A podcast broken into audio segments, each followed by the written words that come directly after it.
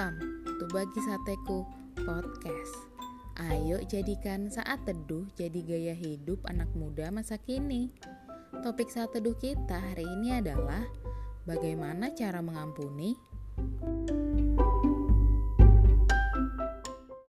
Ayo kita buka kitab kita di Matius 18 ayat 22 yang berbunyi, Yesus berkata kepadanya, Bukan, aku berkata kepadamu, bukan sampai tujuh kali, melainkan sampai tujuh puluh kali tujuh kali. Sahabat sateku, semua kita pasti pernah dong disakitin atau dijahatin sama orang-orang di sekitar kita. Entah itu kita dibohongin, dipukulin, dikecewain, dikata-katain, atau dipermalukan di depan umum. Terus reaksi kita gimana sama orang-orang yang pernah nyakitin kita itu? Mungkin banyak di antara kita tuh bawaannya pengen ngebales kan? Pokoknya tuh kita maunya itu orang ngerasain penderitaan yang kita rasakan. Malah kalau bisa biar dia lebih menderita lagi deh.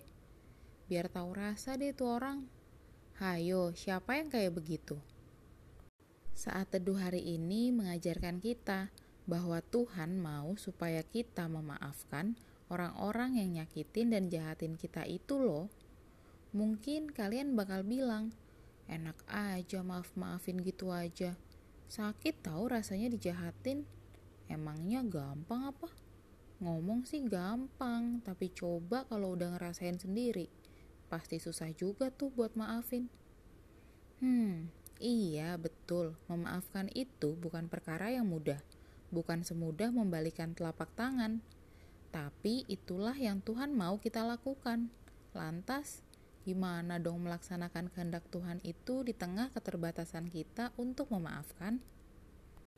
Pertama, sadari bahwa sama seperti orang berhutang, kita lebih banyak punya utang kesalahan atau dosa kepada Tuhan loh.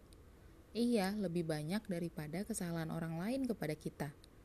Namun, sahabat sateku sadar kan, kalau dosa kita yang sebegitu banyaknya diampuni dan dibayar lunas oleh kasih Kristus di atas kayu salib loh. Jadi, kalau utang kita yang sebegitu banyaknya sudah Tuhan bayar lunas, mengapa kita masih terus menuntut orang lain membayar utangnya kepada kita? Kedua, sadari bahwa menyimpan dendam dan kebencian dalam hati hanya akan menimbulkan ketidaksejahteraan. Cuma nambahin beban aja. Contoh, Mawar pernah dikata-katain sama sahabat karibnya dan dipermalukan di depan umum.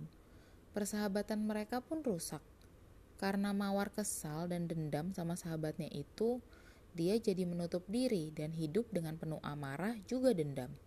Padahal di sisi lainnya, si sahabatnya ini nih udah ngechat minta maaf. Tapi si Mawar tuh tetap aja dongkol. Enak aja minta maaf cuma ngechat kayak gitu Gak sadar apa dia tuh jahat banget. Harus sujud-sujud tuh dia baru mau aku maafin. Ya jadinya si Mawar masih terus hidup dengan dendam dan gak damai sejahtera. Sementara sahabatnya udah bisa jalanin hidup dengan lega dan damai sejahtera karena dia udah minta maaf. Tuh kan kelihatan kalau dengan memaafkan sebetulnya kita itu tengah berbuat baik kepada diri sendiri loh. Jadi hidup kita lebih damai sejahtera.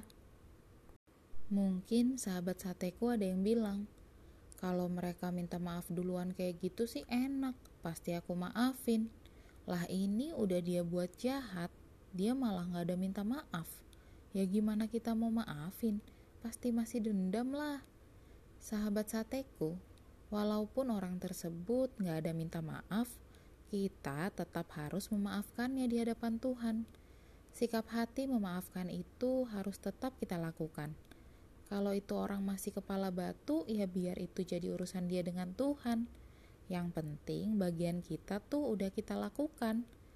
Pasti dengan sikap hati yang memaafkan seperti itu bisa bikin kita lega dan damai sejahtera kan? Memang memaafkan itu butuh proses, tapi percayalah, saat kita terus minta pertolongan Tuhan untuk memberi kita kekuatan untuk memaafkan, pasti pada akhirnya kita mampu untuk memaafkan orang yang sangat menyakiti kita itu. Ingat, Mengampuni itu dimulai dari kesadaran diri bahwa kita sudah diampuni dan juga untuk kebaikan diri kita sendiri loh.